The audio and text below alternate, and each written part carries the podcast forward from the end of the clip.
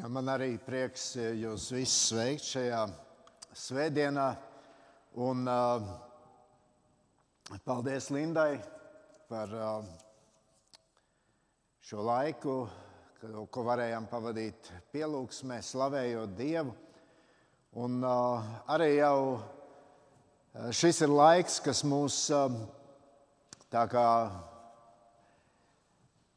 sagatavo tam brīdim, kad mēs īpaši tojamies arī Dieva vārdam un no tā mācāmies. Un šajā rītā es vēlos, ka mēs atveram Dieva vārdu un uh, turpinām lasīt uh, no Pāvila vēstules romiešiem, piektās nodaļas. Šajā svētdienas sērijā Dieva evaņģēlijas šis ir septi, šī ir 17. reize. Un, uh, Šodien mēs apstāsimies pie pantiem no 5. nodaļas, no 12. līdz 14. pantam. Vēstule romiešiem 5, no 12 līdz 14. Tādēļ, kā caur vienu cilvēku grēks ir ienācis pasaulē un caur grēku nāve, tā arī nāve ir iespiedusies visos cilvēkos jo visi ir grēkojuši. Grēks pasaulē bija arī pirms bauslības, bet ja bauslības nav, grēks neskaitījās. Tomēr nāve valdīja no Ādama līdz mūzum, arī pār tiem, kas nebija grēkojuši tādos pārkāpumos kā Ādams. Un Ādams ir pirmtēls tam, kas nāks. Kungs, mēs uh, apzināmies, cik svarīgs ir katrs vārds, kurš iziet no tavas mutes. Un uh, mēs tāpēc ar bijību arī šajā brīdī gribam tuvoties tavam svētajam vārdam.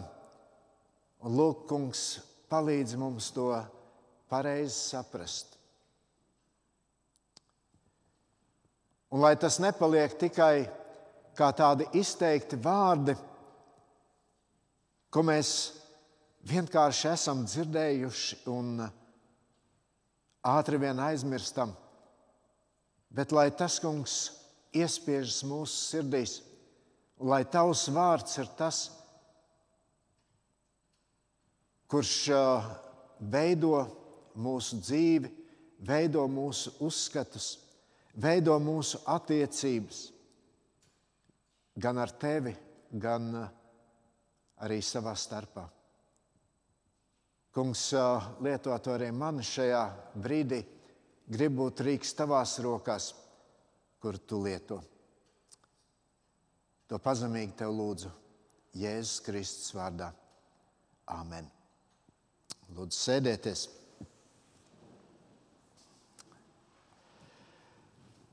Kā jau tikko minēju, mēs uh, esam vēstulē romiešiem.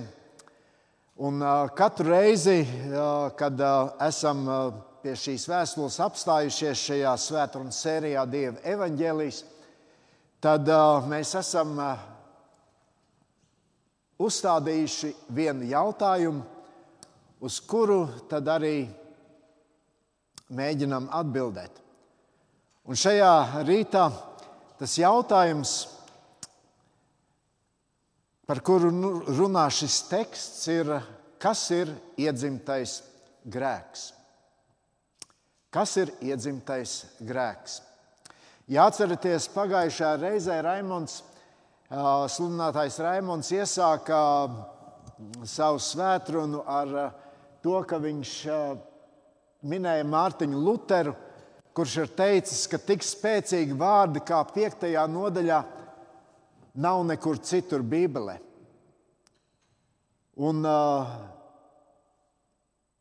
ja mēs esam lasījuši Mārtiņa Lutera biogrāfiju, tad tieši vēstule romiešiem bija tā, kas kardināli izmainīja viņa dzīvi un viņa kalpošanu. Pagājušajā reizē mums likās šīs evaņģēlijas, ko Pāvils raksta šajā piektajā nodaļā, tas ir tik cerīgs. Tik cerīgs sākums šai piektajai nodaļai, bet šodienas panti mūs it kā noliek tādā realitātē. Bet es gribu iedot jums cerību, ka beigās tas atkal mūs aizved pie tā, uz ko mēs stāvam. Kad mēs aplūkojam vēstuli romiešiem, droši vien mēs būsim ievērojuši, ka apustulis Pāvils par evaņģēlīju runā ne tikai kā par labu ziņu, jeb labo vēsti, bet apustulis Pāvils to izsaka ļoti tādā radikālā veidā. Viņš runā par ļoti radikālu labo vēstu. Un evanģēlijas skarto cilvēku dzīves mainās ne tikai tā virspusēji, bet mainās radikāli. Un arī mūsu nolasītajos pantos apustulis Pāvils runā par diviem radikāli pretējiem stāvokļiem. Viņš runā par dzīvību, un viņš runā par nāvi.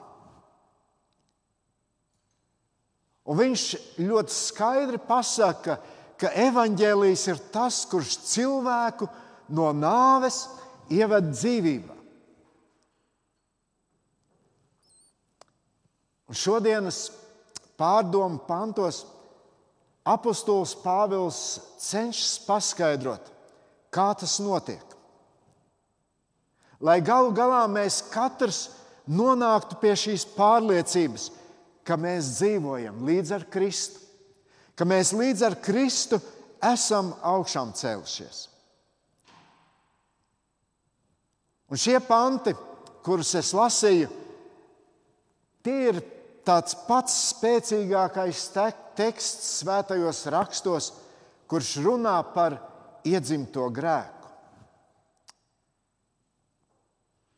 Un kad mēs par to sākam domāt, tad uh, liekas, tik daudziem to ir tik grūti saprast un pieņemt. Pieņemt, kāpēc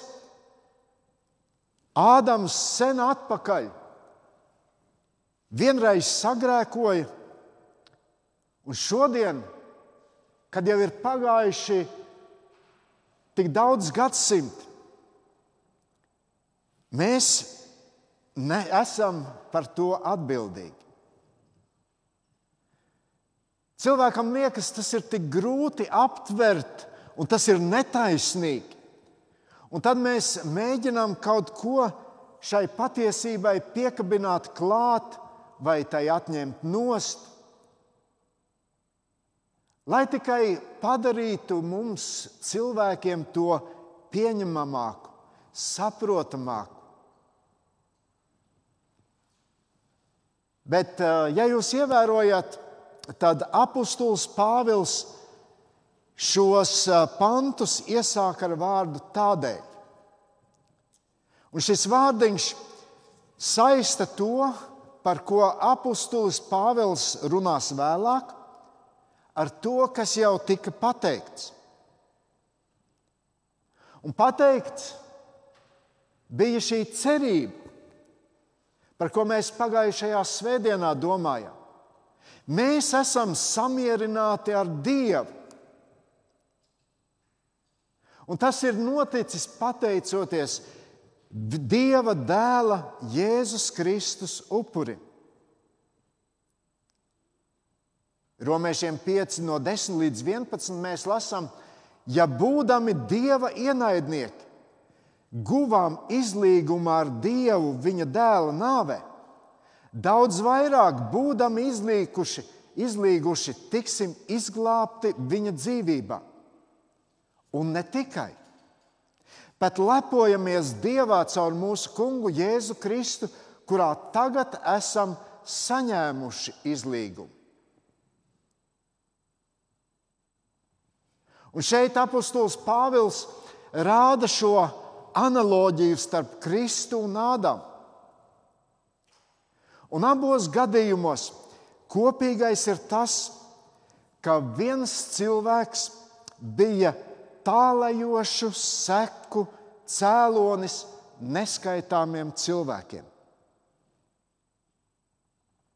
Ādama gadījumā ar vienu cilvēku pasaulē ienāca grēks.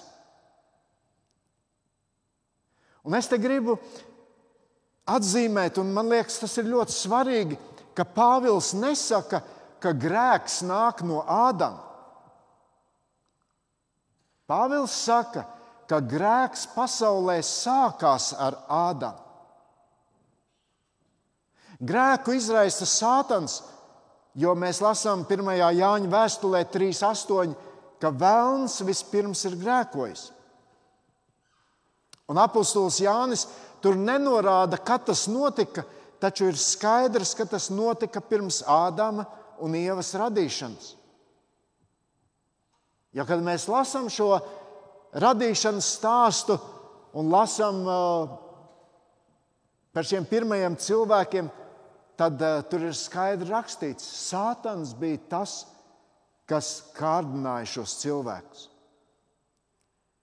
Un apustulis Pāvils mūsu tekstā ļoti skaidri uzsver, ka grēka alga ir nāve. Jeb grēka rezultāts ir nāve. Ādams grēkoja, un tā rezultātā nāve kļuva par realitāti visai cilvēcei.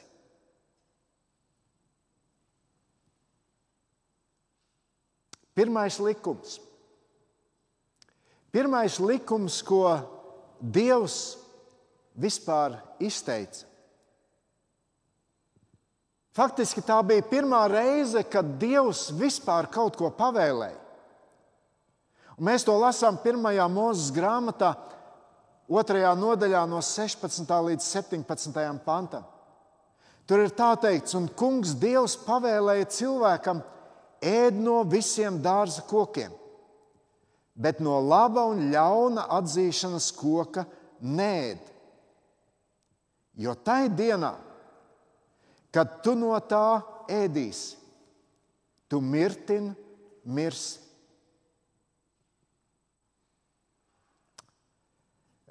Senie ebreji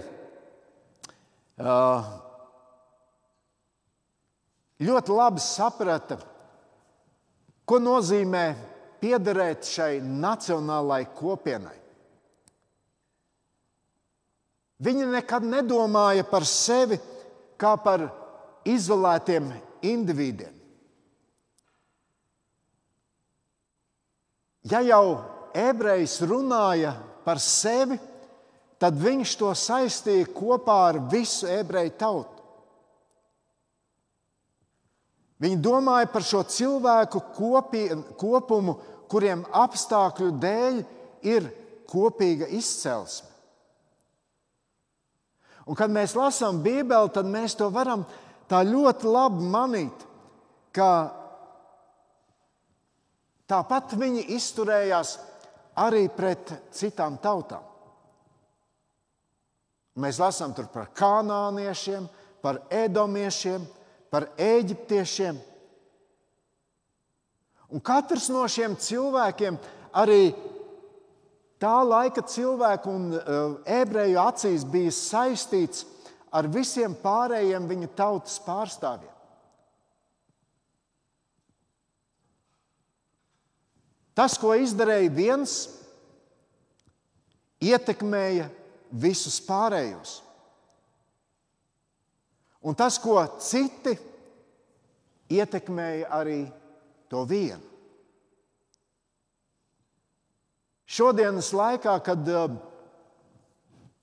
šīs robežas bieži vien izšķīst, varbūt mums to ir ļoti grūti saprast. Bet atcerieties to vienu gadījumu, kad Ābrahāms uh, lūdz audzēt Sodomu. Un tad tas viņa arguments ir, bet Dievs, nu, ja tu atradīsi tur dažus taisnus cilvēkus. Tu taču šo pilsētu saudzēsi. Un tāpat domājot par grēku, Ādama grēks izplatījās uz visiem viņa pēcnācējiem. Tad, kad Ādams grēkoja ēdenes dārzā, viņš grēkoja ne tikai kā viens, cilvē, viens no cilvēkiem, bet kā visas cilvēces pārstāvis.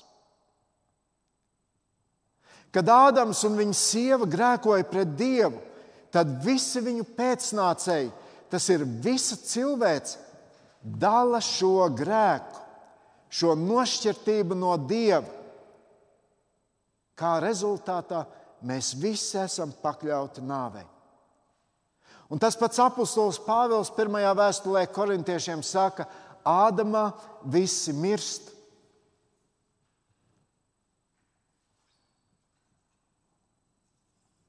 Un tas nozīmē, ka visi cilvēki kopā ar Ādamu bija šajā dārzā un dala šo grēku, ko viņš tur izdarīja. Un fakts, ka Ādams un Ieva bija ne tikai reālas vēsturiskas personas, bet viņi bija arī pirmie cilvēki, no kuriem ir cēlušies visi pārējie ir ārkārtīgi svarīgs šajā Pāvila pamatojumā. Un vispār Dieva evaņģēlīja darbība. Jo ja vēsturiskās personas Ādama grēks nepārstāvēja visu cilvēci, tad arī vēsturiskās personas Kristus upuris nevar pārstāvēt visu cilvēci. Ja visi cilvēki nekrita kopā ar pirmo Ādamu, tad visus cilvēkus nevarēja glābt pateicoties Kristum, šim otrajam un pēdējam Ādamam.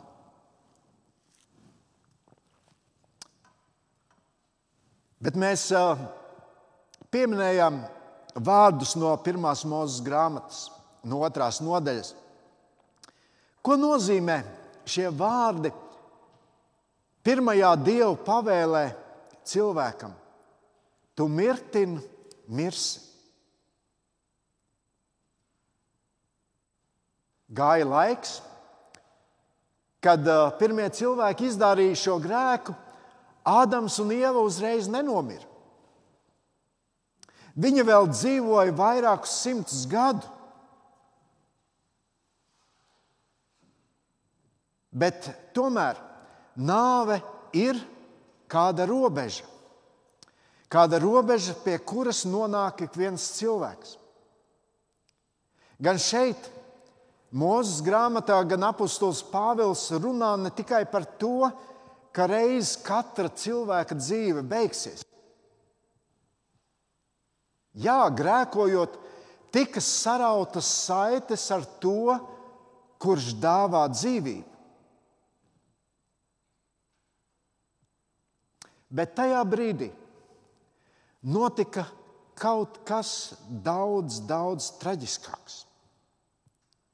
Tajā brīdī nobruka kaut kas šajā cilvēka sistēmā sistēmā, kuru katrā cilvēkā ielika viņa radītājs. Ziniet, tas ir tāpat kā ar skaistu ziedu, kurš mēs izējām dārzā un ieraugām tur viņu, un viņš tur skaisti zied un mūs priecē, un viņš skaisti smaržo, bet tad mēs viņu nogriežam ienesam iekšā, uzdāvinām varbūt kādam. Kādu laiku jau viņš tāpat mūs vēl priecē. Viņš smaržo. Un atkarībā, atkarībā varbūt no tā, kā tu par šo ziedu rūpējies, viņš tevi priecē ilgāku vai īsāku laiku. Bet tikai kādu laiku. Šim ziedam vairs nav šī saikne ar šo sakni. Viņš novīst, nomirst. Viņš aiziet bojā. Un kad mēs domājam par to, ko šis grēks izdarīja ar visu cilvēci, tad pirmkārt grēks sabojāja cilvēka domāšanu. Un kā jau es teicu, šie pirmie cilvēki turpināja dzīvot. Un tur mēs tālāk lasām, viņiem dzima pēcnācēji. Ceturtajā nodaļā mēs lasām, ka viņi cēla pilsētas, viņi veidoja dažādus darba rīkus, lai varētu strādāt. Pat mūzikas instrumentus viņi radīja.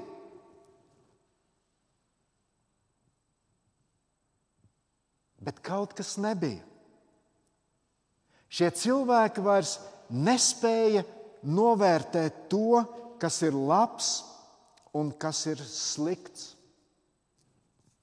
Nespēja. Vēstulē Efeziešiem 4. nodaļā, 17. pantā apustulis Pāvils par to runā. Viņš saka, to es jums saku un apliecinu kungā. Jums vairs nav jāstaigā tā, kā pagāni dzīvo savā prāta tukšībā, būdami aptumšotas saprašanā, atsvešināti no dievišķās dzīvības, savas nezināšanas un sirds nocietinātības dēļ.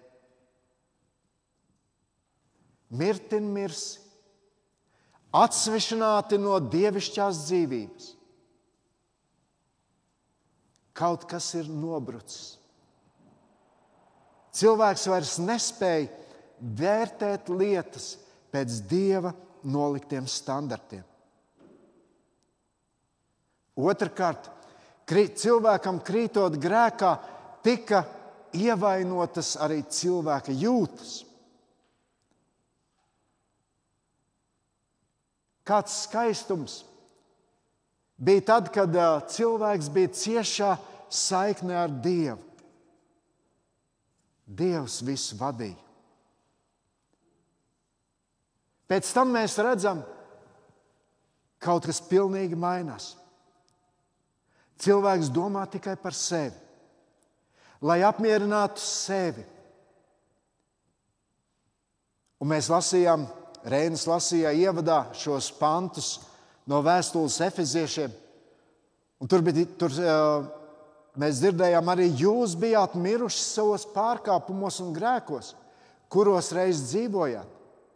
Piederēdami šīs pasaules laikmetam, pakļaudamies valdniekam, kas valda pār gaisa valstību, par to garu, kas vēl tagad darbojas nepaklausības dēlos.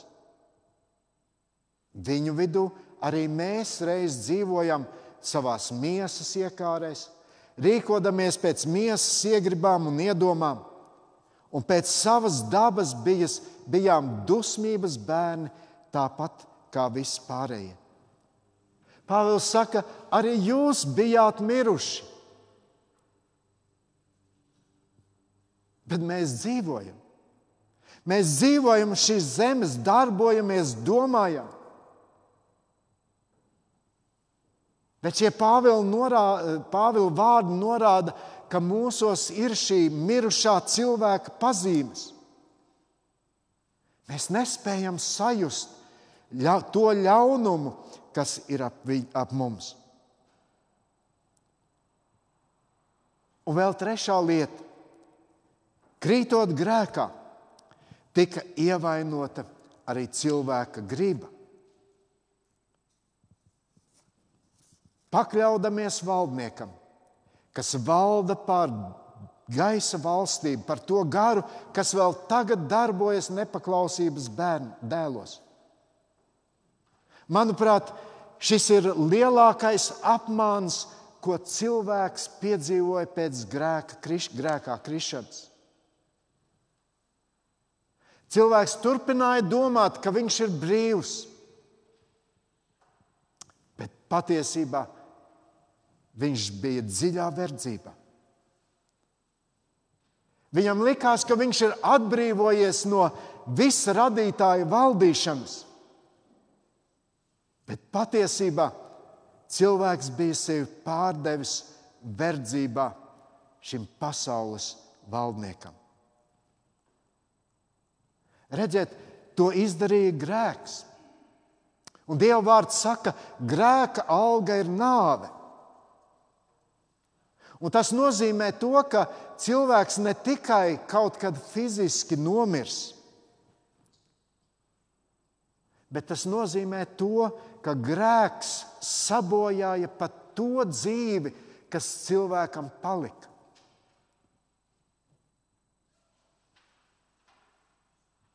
Cilvēks pats nespēja pareizi dzīvot. Un tā lielākā problēma ir tā, ka neskatoties uz to, cilvēks turpina apgalvot, ar mani viss ir kārtībā. Apostoliņu darbos 17, 27 mēs lasām, no viena cilvēka viņš radīja visas cilvēku tautas likdams tiem, tiem dzīvot pa visu zemes virsmu.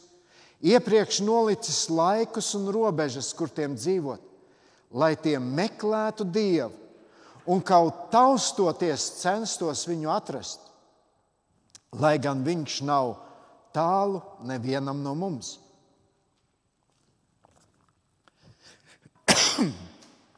Un, ja jūs atceraties,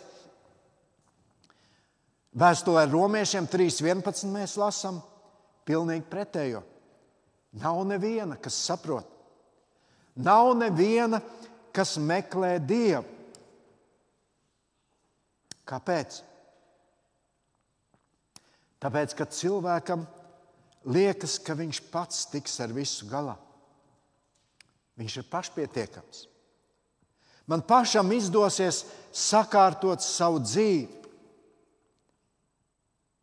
Mums ir tik grūti pieņemt, ka sākot ar pirmajiem cilvēkiem, kaut kas ir sabojājies šajā cilvēces vērtību sistēmā. Un tur nelīdz kaut ko drusku pamainīt savā dzīvē. Tur ir vajadzīga radikāla izmaiņa. Un tāpēc ir tik svarīgi saprast, šos apakstuļa Pāvila vārdus, kā caur vienu cilvēku grēks ir ienācis pasaulē, un caur grēku nāve. Tā arī nāve ir iespiedusies visos cilvēkos, jo visi ir grēkojuši. Grēks pasaulē bija arī pirms bauslības, bet ja bauslības nav, grēks neskaitījās. Tomēr nāve valdīja no Ādama līdz Mozum. Arī par tiem, kas nebija grēkojuši tādos pārkāpumos kā Ādams. Un Ādams ir pirmtēls tam, kas nāks. Un te nav jautājums par to, kāpēc man ir jāatbild par Ādama grēkiem. Nē, mēs visi piedzimstam ar šo sabojāto vērtības sistēmu. Un vēl te apustulis Pāvils šeit piemin laiku no Ādama līdz Mozum. Tas bija diezgan ilgs laiks. Un tad Dievs deva bauslību. Bauslību, kura noteica, kas ir grēks un kādas ir grēka sekas.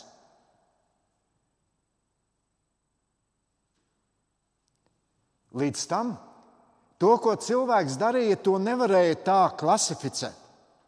Un Pāvils saka, ja nav bauslības, grēks neskaitījās. Bet, bet cilvēki mira. Kāpēc? Nebija taču nekāda pamata, lai cilvēkus kaut kā sodītu par to grēku, ko viņi darīja jo nebija likumu. Ziniet, tas ir tāpat, kā, kā ja tu aizbrauc ar mašīnu uz kādu citu valsti, un tu neesi iepriekš painteresējies, kādi tur ir šie ceļu satiksmes noteikumi, ar ko tie atšķiras, un tu brauc, un tu kaut ko izdari nepareizi. Un tur gadās policija. Un tad parasti tas aizbildinājums ir, nu, es nezināju. Es iebraucu no citas zemes, es nezināju. Varbūt kādi speciāli šo argumentu pat izmanto. Un tad parasti sakām, nu tagad, tagad es zināšu. Un Pāvils saka, tad, kad nebija šīs mērauklis, kas nosaka grēcīgumu, cilvēki turpināja mirt. Kāpēc? Tāpēc, ka to nenoteica viņu rīcība, bet tas jau bija cilvēka dabā. Kaut kas, kas katrā cilvēkā tika ielikts no Ādama. Neatkarīgi no tā, vai viņi darīja šos sliktos darbus vai nedarīja, vienalga viņi mira. Neatkarīgi no tā, vai viņi zināja likumu vai nezināja. Un te nu mēs nonākam pie ļoti svarīgas patiesības. Cilvēks ir grēcīgs ne tāpēc, ka viņš grēko, bet cilvēks grēko, jo viņš ir grēcīgs. Cilvēks ir grēcīgs ne tāpēc, ka viņš grēko, bet cilvēks grēko, jo viņš ir grēcīgs. Un, mīļie draugi, šo, šo principu ir ļoti svarīgi saprast, jo Dievs to ir ielicis visa evaņģēlīja pamatā. Tad, kad mēs runājam, runājam par to, ko Dievs dara mūsu dzīvēm, tad ir svarīgi saprast, ka mēs nesaņemam vienkāršu atdošanu par vienu vai otru grēku.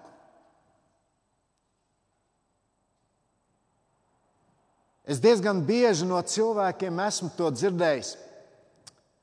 Un, starp citu, es arī biju viens no tiem, kas tā domāja. Nu, man jau nav nekādu lielu grēku nožēlot. Bet, nu, ja vajag, tad es to darīšu.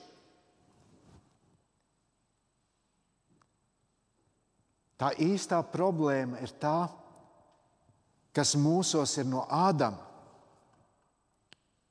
Tā īstā problēma ir mūsu grēcīgā daba. Ādama grēka sekas skar pilnīgi visus cilvēkus.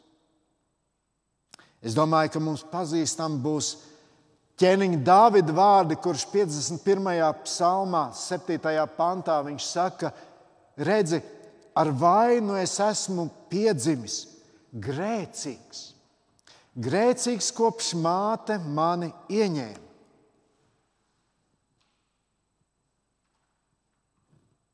To saka Dāvids. Dāvids, kurš nebija ārlaulības bērns, kurš piedzima pilnīgi normālā ģimenē, vēl vairāk dievbijīgā ģimenē.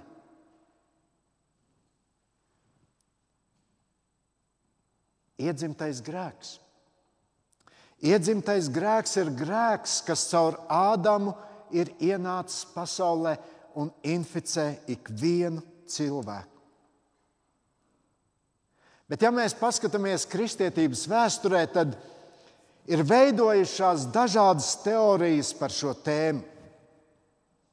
Un viena no tādām teorijām izveidoja angļu mūks Pelagijs. Šis cilvēks dzīvoja 4. gadsimtā, 4. gadsimta beigās un 5. gadsimta sākumā. Un viņš iespaidojoties no grieķu filozofiem, teica, nu, cilvēks piedzimst neitrāls. Viņš piedzimst labs pēc savas būtības, kā balta lapa. Un tad nu, cilvēkam ir šī iespēja vai nu darīt labu, tad Kristus viņu izglābs, un cilvēkam ir iespēja arī darīt ļaunu. Tad viņš nonāks ellē.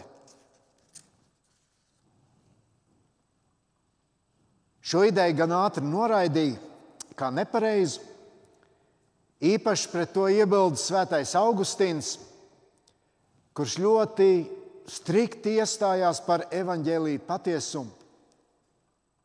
Bet pagāja pāris gadsimtu, un tad veidojās uzskats, ko sauc par puspelagianismu.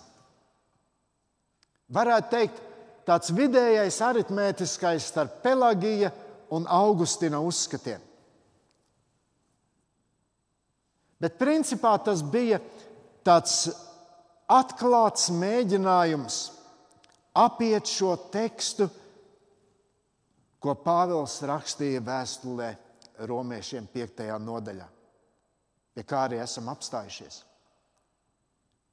Tik grūti cilvēkam ir pieņemt, ka katrs cilvēks piedzimst grēcīgs. Bet Dieva vārds saka skaidri, kā caur vienu cilvēku grēks ir ienācis pasaulē, un caur grēku nāve, tā arī nāve ir iespiedusies visos cilvēkos, jo visi ir grēkojuši. Ievadā mēs lasījām pēc savas dabas. Pēc savas dabas bijām dusmības bērni, tāpat kā visos, vis, vis, visi pārējie.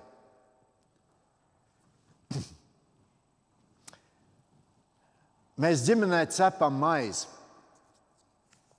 Agrāk es to darīju, tagad sieva. Uh, mēs cepam maizi ar ieraugu. Un, uh, senos laikos ebrejiem bija tāda tradīcija, ka katrā ģimenē cep maizi.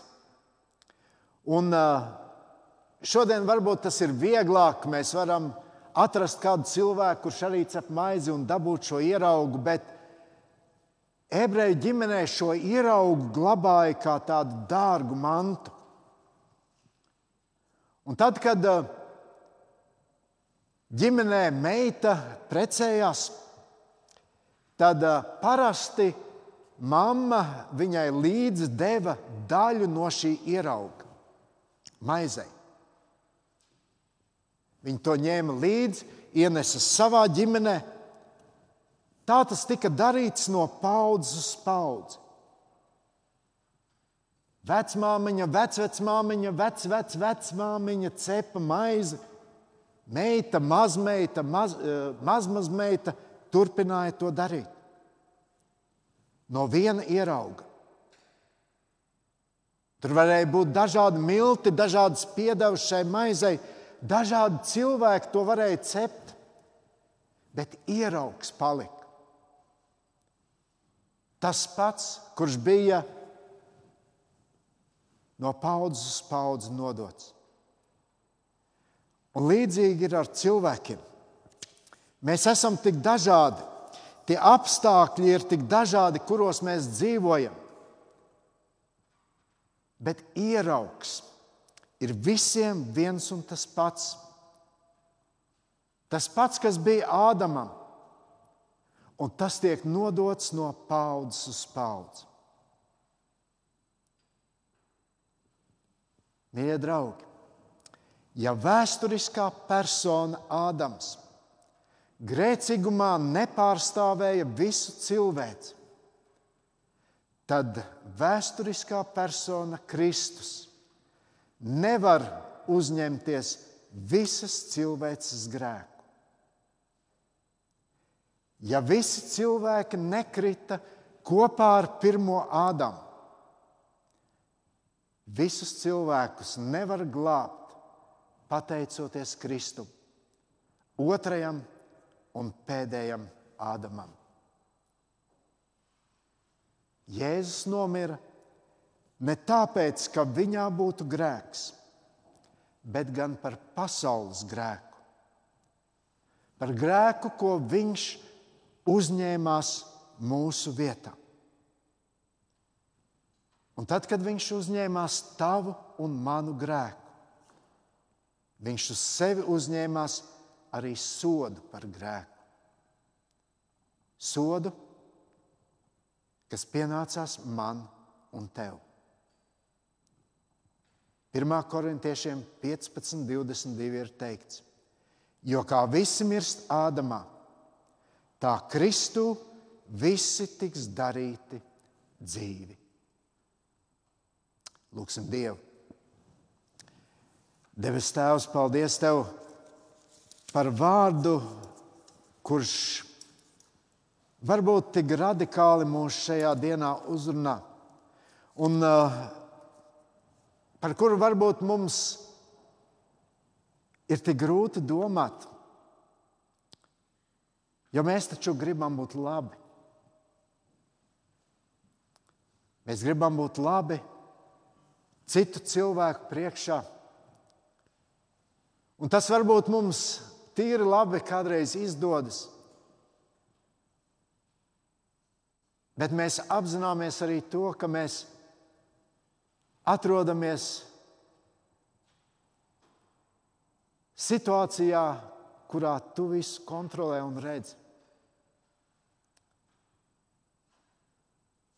Paldies, ka tava žēlastība bija tik liela, ka tu nepameti cilvēkus šajā bezcerībā bet sūtot pasaulē Kristu, tu mums dod šo cerību,